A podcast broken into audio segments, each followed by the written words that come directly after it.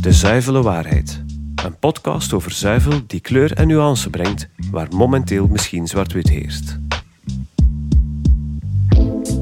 Hallo, Hitty Halsmortel hier. Welkom bij de derde aflevering van de podcastreeks De Zuivele Waarheid. Ook in deze aflevering focussen we ons op duurzaamheid. Een thema dat zo belangrijk is dat het gerust twee afleveringen mag duren. Vorige keer lag de focus vooral op CO2 en methaan, maar er is natuurlijk meer. Want de productie van zuivel heeft ook een impact op de bodem, op watergebruik, op stikstof, op biodiversiteit, noem maar op. Hoe zit dat allemaal precies in elkaar? En, niet onbelangrijk, wat kunnen wij als consument nu eigenlijk zelf doen?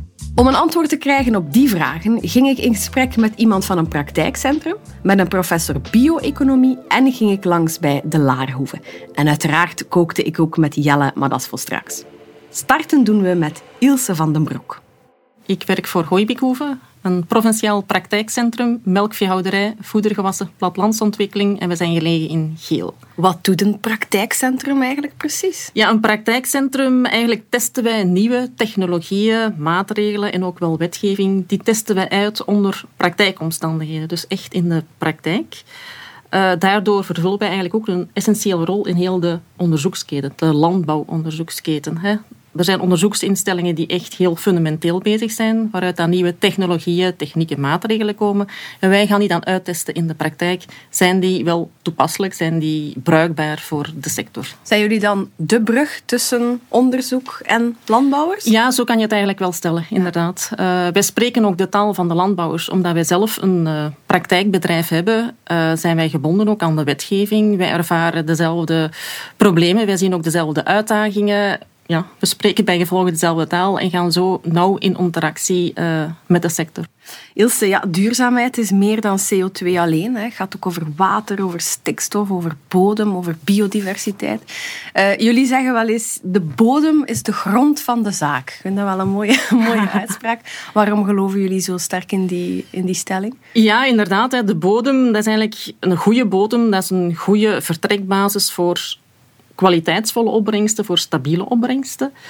Maar daarnaast is die bodem ook heel belangrijk in het verhaal van het klimaat. Omdat een bodem heel veel CO2 kan opnemen, kan vastleggen. De bodem, maar ook nog de grassen. Dus daar zit heel veel uh, potentieel in. En we stellen vast dat die bodem de afgelopen jaren, de bodemkwaliteit, achteruit gegaan is. Oh, hoe komt dat? Ja, er is, ja door de nieuwe of de evoluties in de, de landbouwsector veel meer uh, ja, gewasopbrengsten afgehaald van de akkers. Maar hetgeen dat je van je akker afhaalt, de organische stoffen, moet je ook wel teruggeven aan de bodem. Monocultuur maïs, daar zijn voorbeelden van. Monocultuur maïs, jaar na jaar maïs op dezelfde percelen. Maar door die monocultuur uh, zien we dat organische stofgehalte in de bodem afneemt. En dat willen we terug doorbreken, die monocultuur. En dat kan op verschillende manieren. Heb je daar concrete voorbeelden van ja, die dat willen aanpakken? Ja, dus een van de voorbeelden is bijvoorbeeld uh, het inzetten van uh, vruchtwisseling. Dus dat je verschillende teelten na elkaar doorheen de verschillende jaren gaat telen. Dus elk jaar een andere ja, of twee keer doorbreken. Eh, dus uh, er zijn verschillende mogelijkheden mm waar we dan gaan afwisselen met verschillende teelten. Dat kan zijn met grasklaver, dat kan zijn dat je voederbieten gaat opnemen, dat kan zijn veldbonen, wintergranen. Dus verschillende mogelijkheden. En dan zien we toch wel dat er uh, verbetering is. Hè. Dus het organische stofgehalte gaat naar boven. Maar we zien ook stabielere maïsopbrengsten. Ja, dus, oh, dus het jaar nadien dan? Ja, dus als je in een monocultuur maait, dan zien we dat er wel eens een keer in de jaren zoals nu, uh, of heel veel regen of heel droog, dat uh, heel wisselvallige opbrengsten zijn. Als je die monocultuur doorbreekt en je gaat naar vruchtwisseling, dan zien we stabielere opbrengsten. Dus dan heeft die een bodem en dan ook de gewassen die erop staan, hebben dan minder last uh, van die extreme omstandigheden. En het is dus ook voor een groot stuk denken op lange termijn. Ja, ja, daar komt het inderdaad op neer. En zeker ook bij de bodem, het verhogen van organische stofgehalte in de bodem is sowieso een lange termijn verhaal. Je hoort ook vaak de term functionele agrobiodiversiteit. Kan je daar iets meer over ja, vertellen? Ja, dus functionele agrobiodiversiteit, dat is eigenlijk een biodiversiteit die nuttig is voor landbouw. Dus we denken daarbij aan eh, bestuivers, bodemleven. En wanneer we die biodiversiteit actief gaan inzetten voor landbouw, dan noemen we dat functionele agrobiodiversiteit. Dus is dat dan echt bijvoorbeeld zorgen dat er, eh, ik zeg maar iets, van die vlinderstruiken staan, zodanig dat er vlinders op de akkers eh, rondvliegen? Ja, dat kan een van de voorbeelden is dat? zijn. Ja. Dat kan een van de voorbeelden zijn. Dat noemen we dan de bloemenranden in akkers bijvoorbeeld. Ehm, afhankelijk van de soorten die je dan in die akkers gaat zetten, kan het zijn dat je bestuivers gaat aantrekken of dat je predatoren gaat aantrekken. En afhankelijk van je teelt die je daar zet, gaat je dan spelen met de, de bloemenranden, zodat je eigenlijk kunt samenwerken met natuur. Want het is dan denk ik eerder kiezen voor een optimale productie dan voor echt maximaal, maximaal. Ja, voilà. Dat is ook hetgeen dat wij zeggen. Hè. We moeten af van die maximale producties, maar wel gaan naar optimale producties en rekening houden met alle randvoorwaarden die er zijn. En er zijn er tegenwoordig wel wat. Dus meer aandacht voor de bodem graag. Ja, meer aandacht voor uh, de bodem. Ja, daar is ook nog... Uh, Agroecologie, ook nog een term die ik wel graag uh, naar boven breng.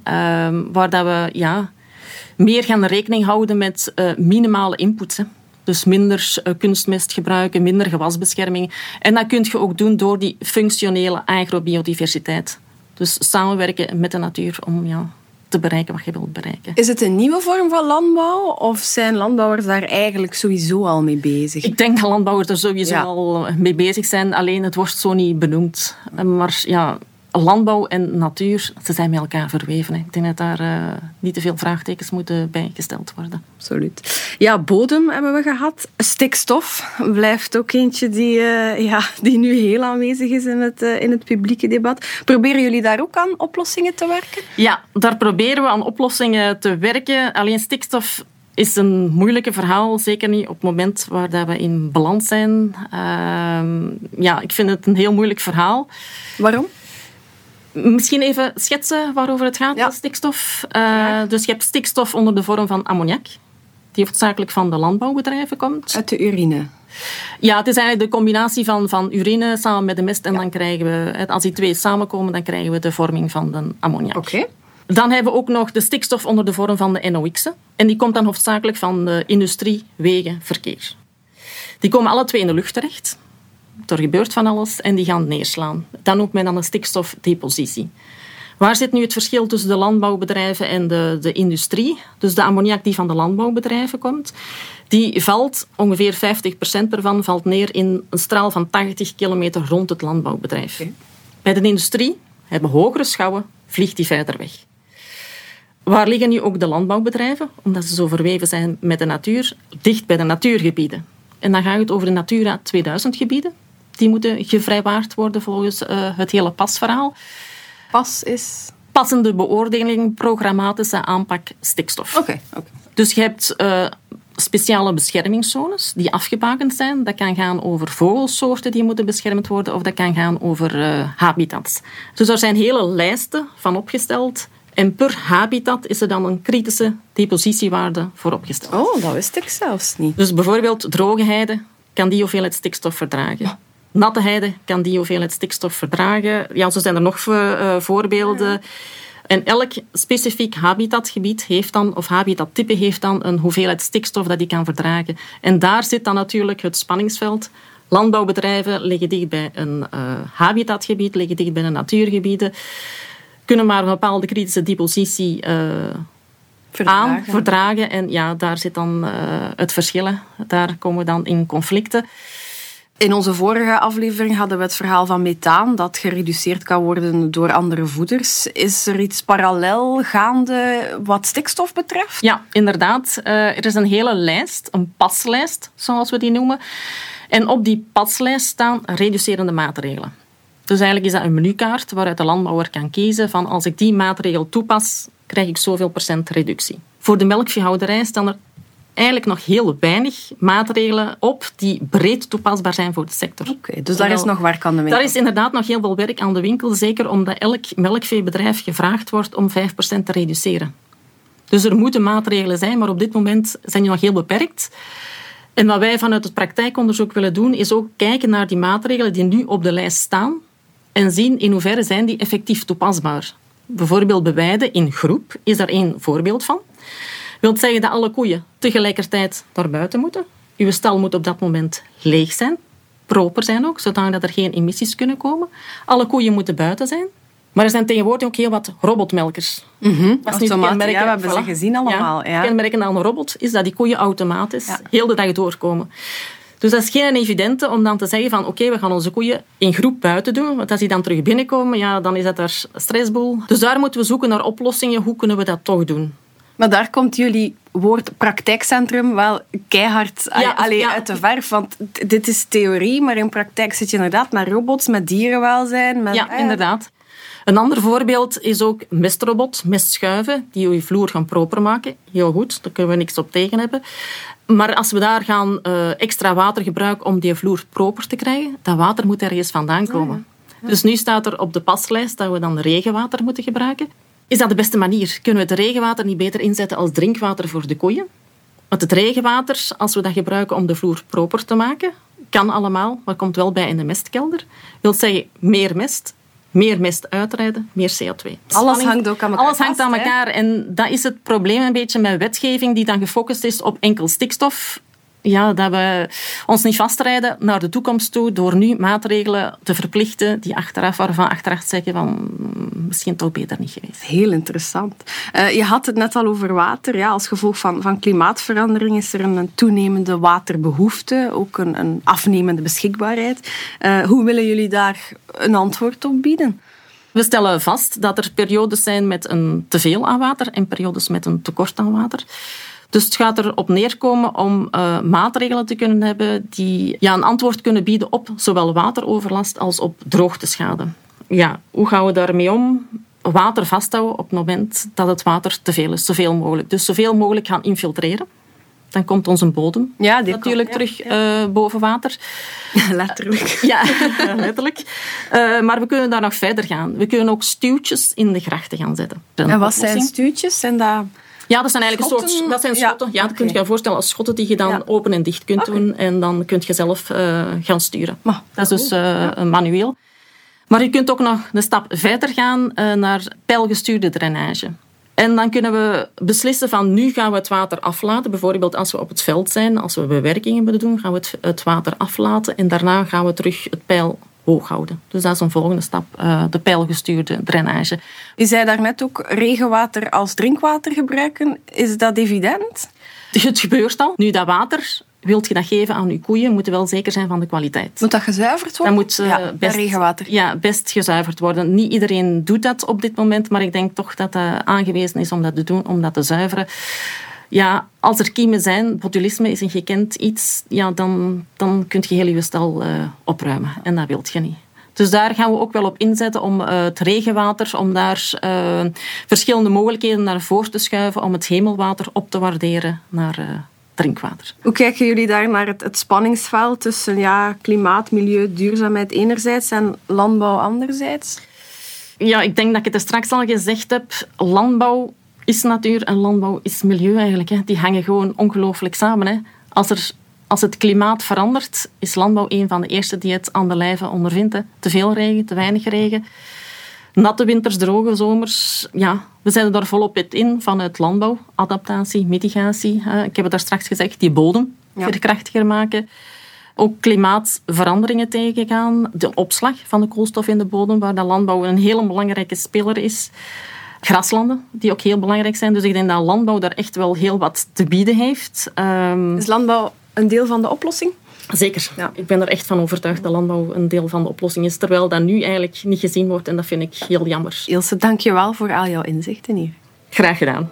Na het gesprek met Ilse vroeg ik me af hoe al deze aspecten leven bij de landbouwers zelf. Ik ging daarom naar de Laarhoeve in Kanthout, waar Petra Thijs, naast een pocketvergister om elektriciteit uit mest te maken, nog veel meer aandacht heeft voor milieu en klimaat.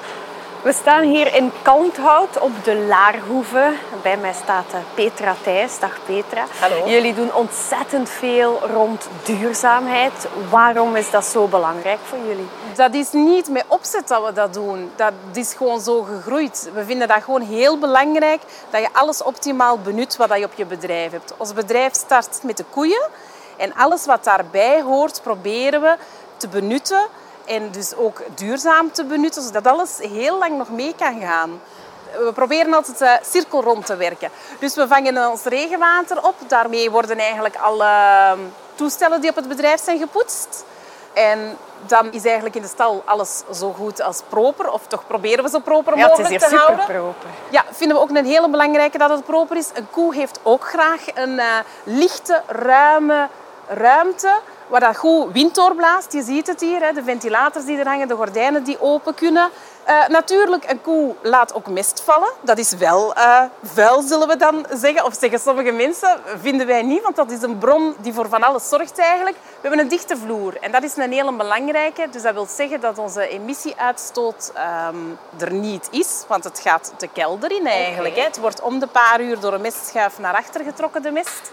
Wordt doorgepompt naar een silo, dat is de pocketvergister, en die maakt daar stroom van. Stroom voor ons eigen, voor het eigen bedrijf en ook voor 60 huishoudens. Maar dat is ongelooflijk. Dat is echt een cirkel die rond is. Maar hij is nog niet rond. Nee? Nee, nee, want dan heb je die mest, na een twintigtal dagen heeft hij in die silo gestaan. Dan komt hij eruit, dan noemen we ze digistaat. Dan gaat hij terug in een andere mestkelder bij ons op het bedrijf en die wordt dan op het land uitgereden. Want die zorgt dat op ons land dan eigenlijk het, het voeder voor de koeien dat daar staat, dat dat weer goed kan groeien. En dat voeder heb je weer nodig om die koeien te laten, allee, om, om te eten en om te zorgen dat die een goed rantsoen hebben. Want de koe dat een goed rantsoen heeft, is een gelukkige koe en geeft ook goed melk. Dus jullie proberen ook zoveel mogelijk van eigen akker te voeden? Zoveel mogelijk wel, ja. Wij hebben grasklaver staan. Dat is een teelt die beter voor de bodem is, maar die er ook voor zorgt, eh, dat bevat veel eiwitten, dus dan moeten we ook minder eiwitten aankopen eigenlijk voor, eh, voor onze koeien. Ehm, en daarnaast hebben we ook maïs staan. Zouden jullie volledig los van de, de rest van de wereld kunnen, kunnen leven op de boerderij? Is het zo circulair? Zo circulair is het nog niet, maar het is misschien wel een droom.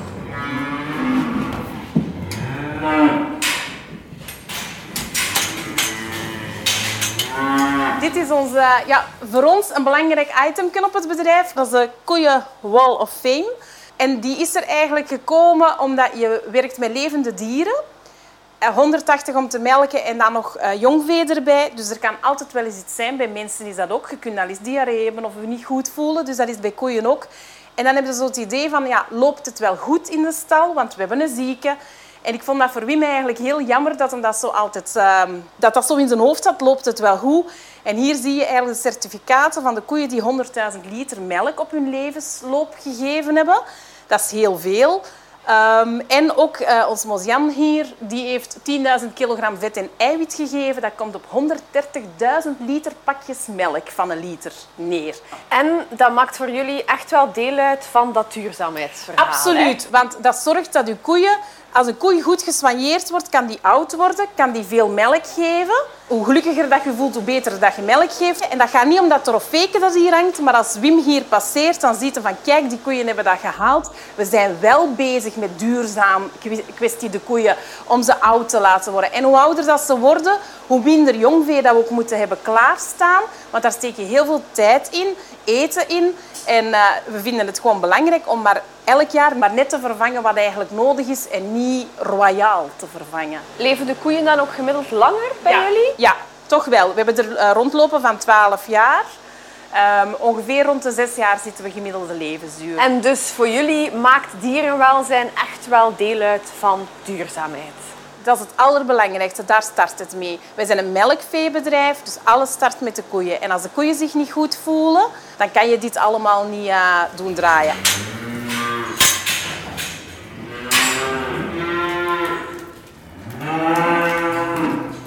Is de afstand tussen producent en consument te groot? Ja, ja zeker en vast. Waarom? Uh, er zijn heel veel mensen die niet meer weten van waar dat een product komt wat dat ze eten op hun bord. Die denken dat bijvoorbeeld melk uit een fabriek komt, maar dat fabriekje is wel die maag van die koe. En het is nodig dat we daar met heel veel respect omgaan. En uh, dat is soms ook heel erg om te horen dat landbouw niet respectvol met zijn dieren omgaat. Als wij niet respectvol met dieren zouden omgaan, zouden die niet produceren. Dan zouden die geen melk geven, dan zouden die niet tien jaar oud worden. En dat vinden wij hier heel belangrijk. Duurzaamheid zit in alles wat we doen.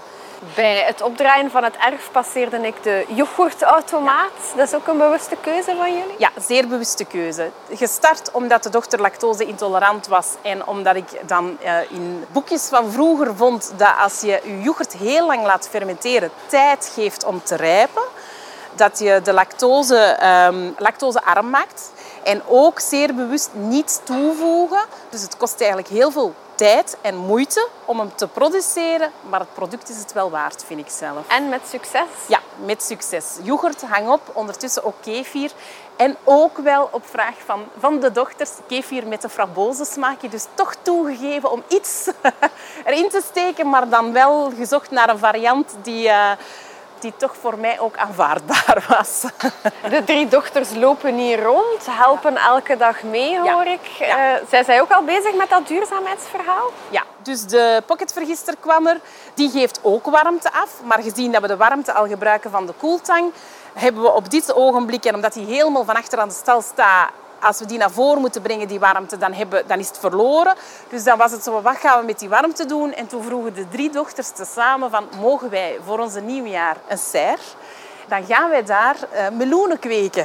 Het ganse jaar rond liefst, want ligt maar een buis van uh, die vergister om die warmte erin te doen. De serre is er met nieuwjaar gekomen. Uh, onze eerste teelten staan erin. De meloenen zijn bijna rijp. Maar dat is toch fantastisch dat zij daar ook al op, op dat niveau mee bezig ja, zijn? ze zijn daar wel echt mee bezig. Ja. Vinden jullie dat er te vaak negatief wordt gedaan over de landbouw? Ja, absoluut. Ik zeg niet over uh, naast de mensen of zo, want wij krijgen eigenlijk heel veel, waarschijnlijk ook doordat we zelf zuivel maken, krijgen we heel veel positieve feedback. En mensen die zeggen van, amai, dat is super dat dat nog rechtstreeks van de boerderij komt. Heel leuke contacten. Maar langs de andere kant worden we in de media toch wel heel snel afgeschilderd van uh, het probleem. Het is momenteel, als je de tv opzet, is het vaak van de boeren zijn kwaad. Maar dan denk ik, ze hebben recht en reden om kwaad te zijn. Hè. En ik snap dan ook wel dat mensen gefrustreerd zijn en zeggen van... Uh, als je vier uur later thuis komt van je werk omdat er weer een blokkade is.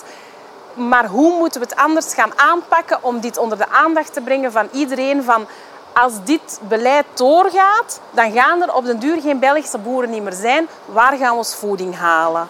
En dan is de grote vraag die je ook moet stellen, gaan dan al die problemen die ze naar ons toewijzen opgelost zijn? Ik denk dat er nog steeds even grote fabrieken staan en dat er nog luchtverkeer is en dat er nog trafiek op de, op de baan is. Wij zijn niet de enige. We moeten het samen aanpakken. Maar jullie zijn eigenlijk deel van de oplossing. Wij hopen dat we een deel van de oplossing zijn en we geloven daar zelf heel hard in. Dankjewel Petra. Het was ontzettend boeiend en doe zo voort zou ik zeggen. Dankjewel en graag gedaan.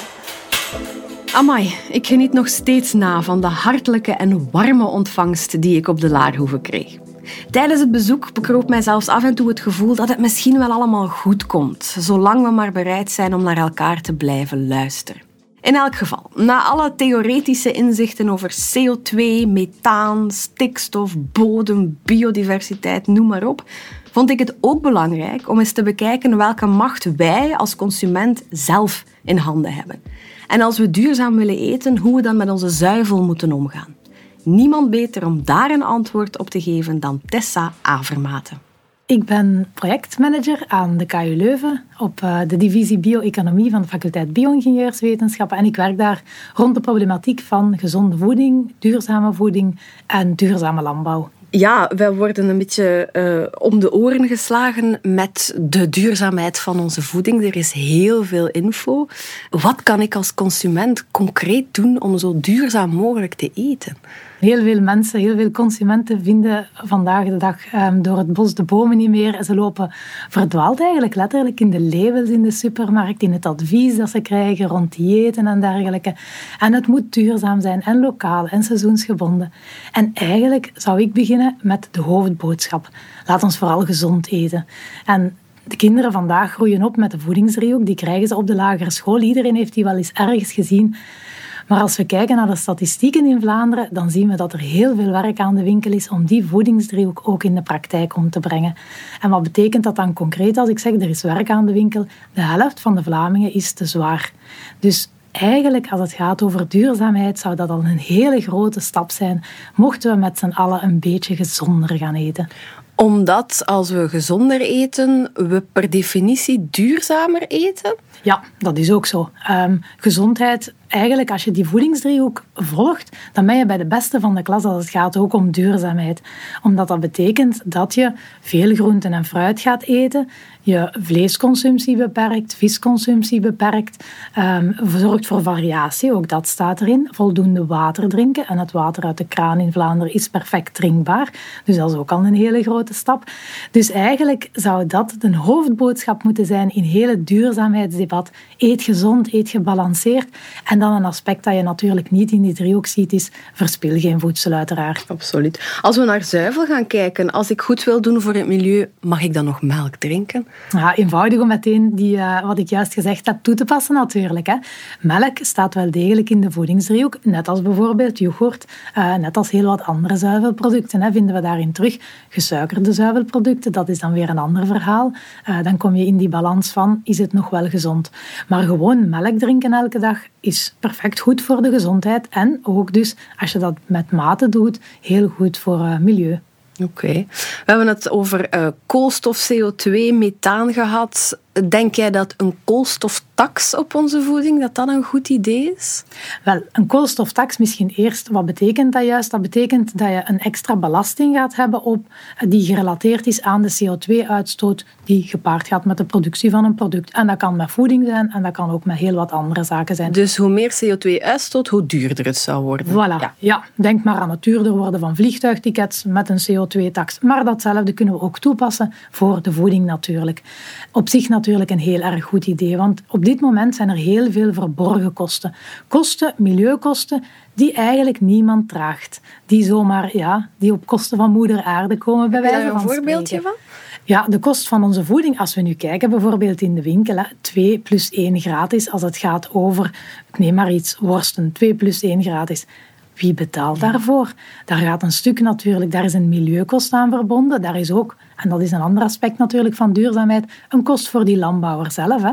Dus het is wel heel goed om, om die CO2-tax, om daar eindelijk echt werk van te maken en die te gaan implementeren. Zodanig dat we de kost wat we eigenlijk betalen voor een product, ook voor betalen voor voeding, dat die uh, gereflecteerd wordt in de prijs. Wie is volgens jou verantwoordelijk voor ja, de duurzaamheid van ons voedsel? Is dat de consument? Is dat de producent? Is dat de overheid? Is dat een gedeelde verantwoordelijkheid? Dat is zonder meer een gedeelde verantwoordelijkheid. Als consument natuurlijk heb je de verantwoordelijkheid. Elke dag maak je keuzes als het gaat over voeding. Je eet de meeste Vlamingen, s ochtends, middags en s avonds en daartussen ook nog wel wat. Dus je maakt eigenlijk elke dag wel een keuze. Aan de andere kant moeten we ervan uitgaan dat de consument het bos door de bomen nog ziet, om daarop terug te komen. Dat hij al die labels begrijpt en dergelijke, dat hij die voedingsdriehoek ook kan toepassen thuis. Nee, daarvoor hebben we vorming nodig, educatie, goed onderwijs. En dan zitten we met een verantwoordelijkheid natuurlijk bij het beleid. En hetzelfde geldt aan de kant van onze landbouwers. Dat zijn heel knappe koppen. Als ik kijk naar, ik kom heel vaak in contact met jonge landbouwers. Dat zijn ja, mensen die technisch onderlegd zijn, die iets kennen van management, die uh, marketinggewijs goed zitten en dergelijke. Dus die, ja, dat zijn knappe koppen, maar die moeten wel de ruimte krijgen vanuit het beleid om bepaalde zaken te gaan doen. Want het moet natuurlijk ook economisch rendabel zijn. Dus ook daar weer zitten we met een grote verantwoordelijkheid voor beleid. Is dat beleid voldoende gestoeld op wetenschap? Dat beleid is zeker gestoeld op wetenschap. De toepassing natuurlijk, uh, ja, de controle en dergelijke. Ja, die opvolging, dat is natuurlijk iets dat helemaal vanuit het beleid geregeld wordt en ook moet geregeld worden. En we zien toch steeds meer die interactie tussen wetenschap en beleid. Denk maar aan de klimaat- en energieplannen van de Vlaamse overheid, die aan een, een expertenpanel worden voorgelegd.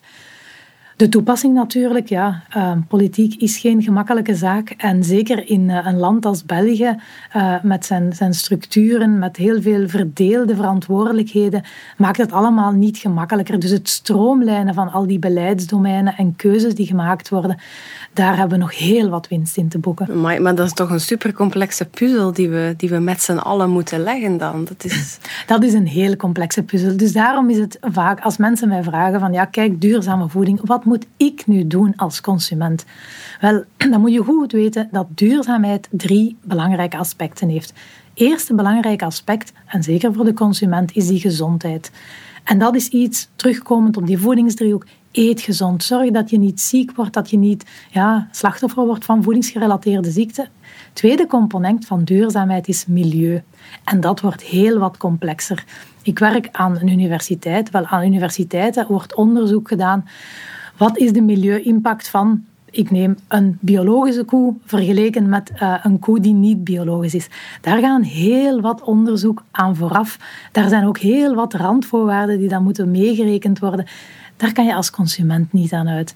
Um, dus als consument daarmee willen bezig zijn met wat die labels allemaal betekenen, met wat dan juist de impact is van het milieu door bepaalde labels wel of niet te gaan eten, dat is zo'n complexe puzzel um, die je als consument eigenlijk moeilijk kan gaan leggen. Een derde component, die ook wel heel belangrijk is, dat is de eerlijke prijs voor die landbouwer. En dan kom ik terug op het feit van ja, 2 plus 1 gratis bijvoorbeeld in de winkel. Fijn voor jou als consument, goed voor je portemonnee, maar aan de andere kant, iemand betaalt er wel voor. En heel vaak vandaag de dag is dat die boer die heel weinig inkomen nog krijgt voor wat het eigenlijk doet. En die boer, laat ons dat niet vergeten, die werkt bijzonder hard om zijn producten af te leveren. Mhm. Is er een groot verschil in duurzaamheidsimpact tussen vegetariërs en veganisten? Vandaag horen we inderdaad dat heel veel mensen, heel veel jongeren ook in Vlaanderen zo twijfelen tussen word ik nu vegetariër of flexitariër, vegetariër of veganist. Vegetariër betekent, misschien moeten we dat ook eventjes kaderen, dat je geen uh, vis of vlees meer eet. Bij de veganisten zeggen ze ook geen enkel dierlijk product. We schrappen dus ook de eieren en, natuurlijk heel relevant hier vandaag voor ons gesprek, we schrappen de zuivel. Wel, je moet weten dat in een, een voedselsysteem hebben we die dieren wel degelijk nodig. Dus in die zin zien we ook wetenschappelijk, als we kijken naar de milieu- en de klimaatimpact, dat het verschil tussen vegetariër en veganist eigenlijk heel klein is. Je mag daarvoor kiezen als consument, daar doe je niks mis mee, zolang je maar zorgt dat je voldoende eiwitten ook binnen hebt. Maar als je echt puur naar een milieu kijkt, is het verschil tussen een flexitariër of iemand die ja, vlees eet zoals de gemiddelde Vlaming dat vandaag eet en de vegetariër heel wat groter. Waarom hebben we die dieren nodig in ons voedselsysteem? Die dieren, die, uh, er zijn bepaalde regio's waar dat je ook niks anders kan doen dan er weiland van maken, bijvoorbeeld. Die dieren die produceren ook mest. Die mest die zetten we terug op onze velden. Die zorgen weer voor een hogere productie, bijvoorbeeld van onze gewassen. Dus in die zin, die sluiten ook een kringloop. Dus die zijn eigenlijk al van, van eeuwen geleden, van sinds de mens bestaat, zijn die eigenlijk deel van ons voedselsysteem. Mm dus er is volgens jou wel ruimte voor veehouderij in Vlaanderen? Er is zeker ruimte voor veehouderij in Vlaanderen. Um, als het gaat over veehouderij, ik heb al gezegd, Vlaanderen is heel erg klein. Wij doen heel veel, wij moeten heel veel op die ruimte doen. We hebben daar plaats nodig om te leven, recreatieruimte nodig, landbouwruimte nodig, industrieruimte. En dan moeten we daar ook natuurlijk op een uh, efficiënte manier mee omgaan. De druk van de veehouderij momenteel in Vlaanderen is te hoog, dus we moeten daar kijken naar een reductie ook van veestapel. Maar tegelijkertijd doen wij onze zaken ook wel heel efficiënt. Een reductie betekent niet dat we plots geen veehouderij meer zouden hebben. Dat zou ook niet verstandig zijn. Wij zijn echt heel erg goed vergeleken met andere landen in wat we doen. Dus laat ons dat vooral ook wel behouden en ook versterken. Tessa, heel hartelijk dank voor jouw inzichten. Heel graag gedaan, Hetty. Afsluiten doen we zoals altijd in de keuken van Messi-chef Jelle. Deze keer stond er hangop met gemarineerde tomaat, dille, gremolata en krokante tortilla op het menu. Hangop, Jelle, wat is dat precies? Wel, uh, hangop is uitgelekte yoghurt. Oeh. Ja, dus uh, wat je eigenlijk doet, is je yoghurt door een theedoek halen, uh, door een klein zeefje. En dan ja, best een nacht laten uitlekken. En dan krijg je eigenlijk een, een dikke, romige massa. Dat kan je zelf doen, maar je kan je natuurlijk ook gaan halen. Hè. Ja, wij zijn ze gaan halen in de Laarhoeve, waar we op reportage geweest zijn. Oké, dan uh, gaan we eraan beginnen. Hè. Top. Wat hebben we nodig? Tomaatjes, dat is een rode ui, wat citroen, amandelnootjes, wat uh, tortilla wraps, teentje look en dille. En that's it. Ik ga beginnen met het uh, snijden en eigenlijk het marineren van onze tomaatjes. Dus die moeten ongeveer een half uurtje uh, marineren. Zo'n kleurrijke tomaatjes. Ja, dat maakt het net iets feestelijker en net iets leuker. Je eet ook met die ogen, hè? Ja, dat is waar. Dus ik snij die gewoon doormidden. Heb je veel honger? Altijd. Oké. Zo. Wat ook een hele belangrijke is, zeker bij tomaten, bewaart dat op een koele plaats en niet in de koelkast. Waarom die, niet? Ja, dan worden die veel waterachtiger. Omdat ze te koud krijgen? Ja, Ah, die krijgen een, een kleine verkoudheid. Oké, dus in een koele kelder. Ja, een koele kelder is eigenlijk ideal. En sommige groenten mag je ook niet bij elkaar leggen. De komkommer bijvoorbeeld ook niet in de koelkast. Of een aubergine naast een tomaat is ook niet goed. Shit, dan doe ik wel heel veel fout. Dus ik heb mijn tomaatjes gewoon gehalveerd. Dan neem ik een rode ui. Snijden we gewoon in kleine blokjes. Ongeveer een halve. Het is nu een zeer grote ui. Dus ook niet te veel. En dat is vooral kleur en smaak uiteraard. Liefst zo fijn mogelijk. ik ben jaloers op je snijtechniek. Ja, dat duurt even, maar ik zal straks nog wat privélessen geven. Alright, yes. Oké, dus we doen de fijn gesneden rode ui erbij. Dan heb ik ook nog een, eh, een citroentje. Dus marineren is zoet-zuur. Dat is een beetje de basis. Altijd? Zo goed als altijd. En zuur zorgt er wel voor dat je smaken allemaal samenkomen. Dus eigenlijk zoet, zuur. En ik doe er soms ook wel nog een klein beetje eh, honing in dit geval bij. Honing van hier, eh, lokaal bij mij in de buurt. Doe daar ook bij om het toch net iets zoeter te maken. Dat past ook beter bij het zure, toch licht zure van die hangop. Het gaat dan allemaal om, om de contrast. Hè. Dus zo'n beetje citroen. Voilà. Met de hand uitgeperst. Ja, ja, ja. Allemaal eh, artisanaal. Peper erbij. Voilà. Zout. En zout helpt eigenlijk het vocht losmaken uit je tomaatjes. En daardoor krijg je een super lekkere jus van onder. Dat is echt super lekker. Dus ik ga ook nog een beetje honing erbij doen. Voilà, niet te veel. En dan gewoon zorgen voor de nodige opschudding in de keuken. Letterlijk. Letterlijk. voilà. En dat laten we dus een half uurtje staan hier in de kelder. Ik stel voor dat jij dat gaat gaan doen en ondertussen blijf ik verder koken. Ik ben al weg. Dus ik heb eh, van die tortillas. Die ga ik gewoon even heel krokant bakken in de oven. En eh, we hebben de oven ondertussen op 200 graden gezet. Ik smeer die tortillas in met een klein beetje olijfolie. Zo. En dan snij je daar eigenlijk pizzapuntjes van. hè, Want de bedoeling is dat we dat straks kunnen gebruiken om, om die heerlijke tomaatjes op die romige hangop eigenlijk op te scheppen. Ik ben nogal een opschepper in de keuken. Gedoemd.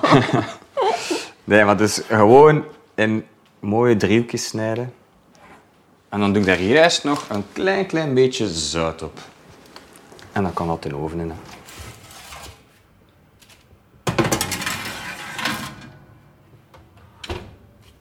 Het laatste deeltje, dat is de gremolata. Wat is gremolata? Ja, dat is echt iets Italiaans. Dat is eigenlijk een mengeling van citroenzesten, look en van een kruid. Ik gebruik nu in dit geval dille. Meestal is dat peterselie eh, of basilicum.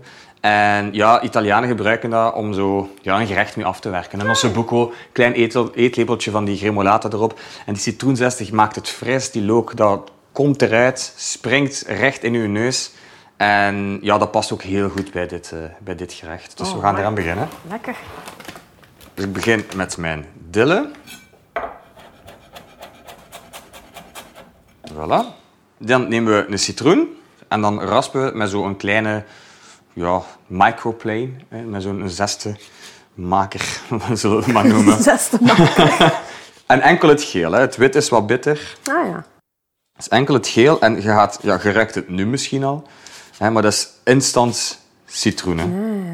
Oké, het eentje look. Oké. Belangrijk ook eh, fijn, hè, want we doen dat, gebruiken dat rauw. We willen niet zo een volledig schijfje. Voilà. Oké, kijk, en dan meng je dat gewoon zo wat onder elkaar. En dat is het eigenlijk. Nog Amai, dat is de gremolata. Ja, dat is gremolata. Nog een klein beetje grof zout bij. Voilà. Gremolata is eigenlijk een beetje gelijk een pesto zonder kaas en olijfolie en nootjes. Dus eigenlijk iets volledig Eigenlijk anders. totaal anders, maar goed. Oké. Dus we hebben, we hebben onze tomaatjes die eh, aan het marineren zijn. Dan eh gremolata, die chipjes zitten in. Die hangop is aan het hangen en die gaan we nu gewoon al presenteren op een bord. Ik ga er ook nog een beetje amandelnootjes bij doen. En dan hebben we straks nog een extra krokante touch erin voor een heerlijke geroosterde smaak. Gewoon zo, zonder boter of olijfolie Ja. in de pan. Ja, noten bevatten al best wel wat olie. Ah ja. Dus dat is eigenlijk niet nodig. Maar ook weer bijblijven. Oké. Hang op met een beetje zout. Dus uw hangop doe je gewoon in een schoon bordje of een kommetje. Dan doen we onze gemarineerde tomaatjes erbij. En je ziet hier van onder, er is jus Oh uitgekomen. ja, en dat is door dat zout. Ja, dat is ook super lekker. Smijt alstublieft nooit weg, dat onderste. Dat ziet er alweer... Allee, Goed, hè? hoe is, hoe is het zelfs mogelijk? Dat is ook natuurlijk het kleurrijke van die tomaatjes. In combinatie met dat witte van die, eh, van die hangop. Het is de bedoeling die chips om daarin te doppen. Hè. Dan doen we onze gremolata daar nog op. Niet te veel. Nee, echt, maar je moet daar een keer aan ruiken. Oh, dat is zo vol. Ja, hè? ja kijk, maar dat is, eh, ja, het zijn echt heel veel smaken in, in één keer. Ik ga een beetje van die eh, geroosterde amandelnootjes er nog op. Dus je hebt eigenlijk het zoetzure van die tomaten. Je hebt dan dat frisse van die gremolata, die citroenzest die in je neus ontploft, dan die krokante nootjes, de romige van die hangop. En dan iets krokants. Ja, dat is het enige wat je nodig hebt. Iets krokant om mee te dippen. Of gewoon een keigrote lepel. Voilà, ondertussen zijn mijn krokante tortilla chips klaar. En dan nemen we daar zo'n beetje van. Ondertussen ga ik mijn lampje uitzetten. Yes. Warm. Warm. Zo. En dan eh, neem je dat bordje en dan steek je daar zo wat van die krokante chipjes in. Allee, jelle, dat is That's it. perfectie nabij. Kijk, voilà, steek er nog een kaarsje op en het is een perfecte verjaardagstaart Dan niet, dat was alweer de derde aflevering van deze reeks. Ikzelf leerde ontzettend veel bij over complexe dossiers als bodem, water en stikstof. Zag met mijn eigen ogen de passie voor duurzaamheid tot in het kleinste detail op de laarhoeve en kreeg een helder zicht op duurzame voeding en de rol die we daarin zelf kunnen spelen. Ik bedank heel erg graag Ilse van den Broek, Petra en Wim van de Laarhoeve, Tessa Avermaten en ook Messi-chef Jelle. In de volgende aflevering wagen we ons aan nog zo'n heikel thema: dierenwelzijn. Kan de consumptie van zuivel ooit hand in hand gaan met het welzijn van dieren? Ik zoek het met de nodige nuance en context heel graag voor je uit. Tot dan! Groen innoveren. Ook hedendaagse landbouw gaat mee met zijn tijd.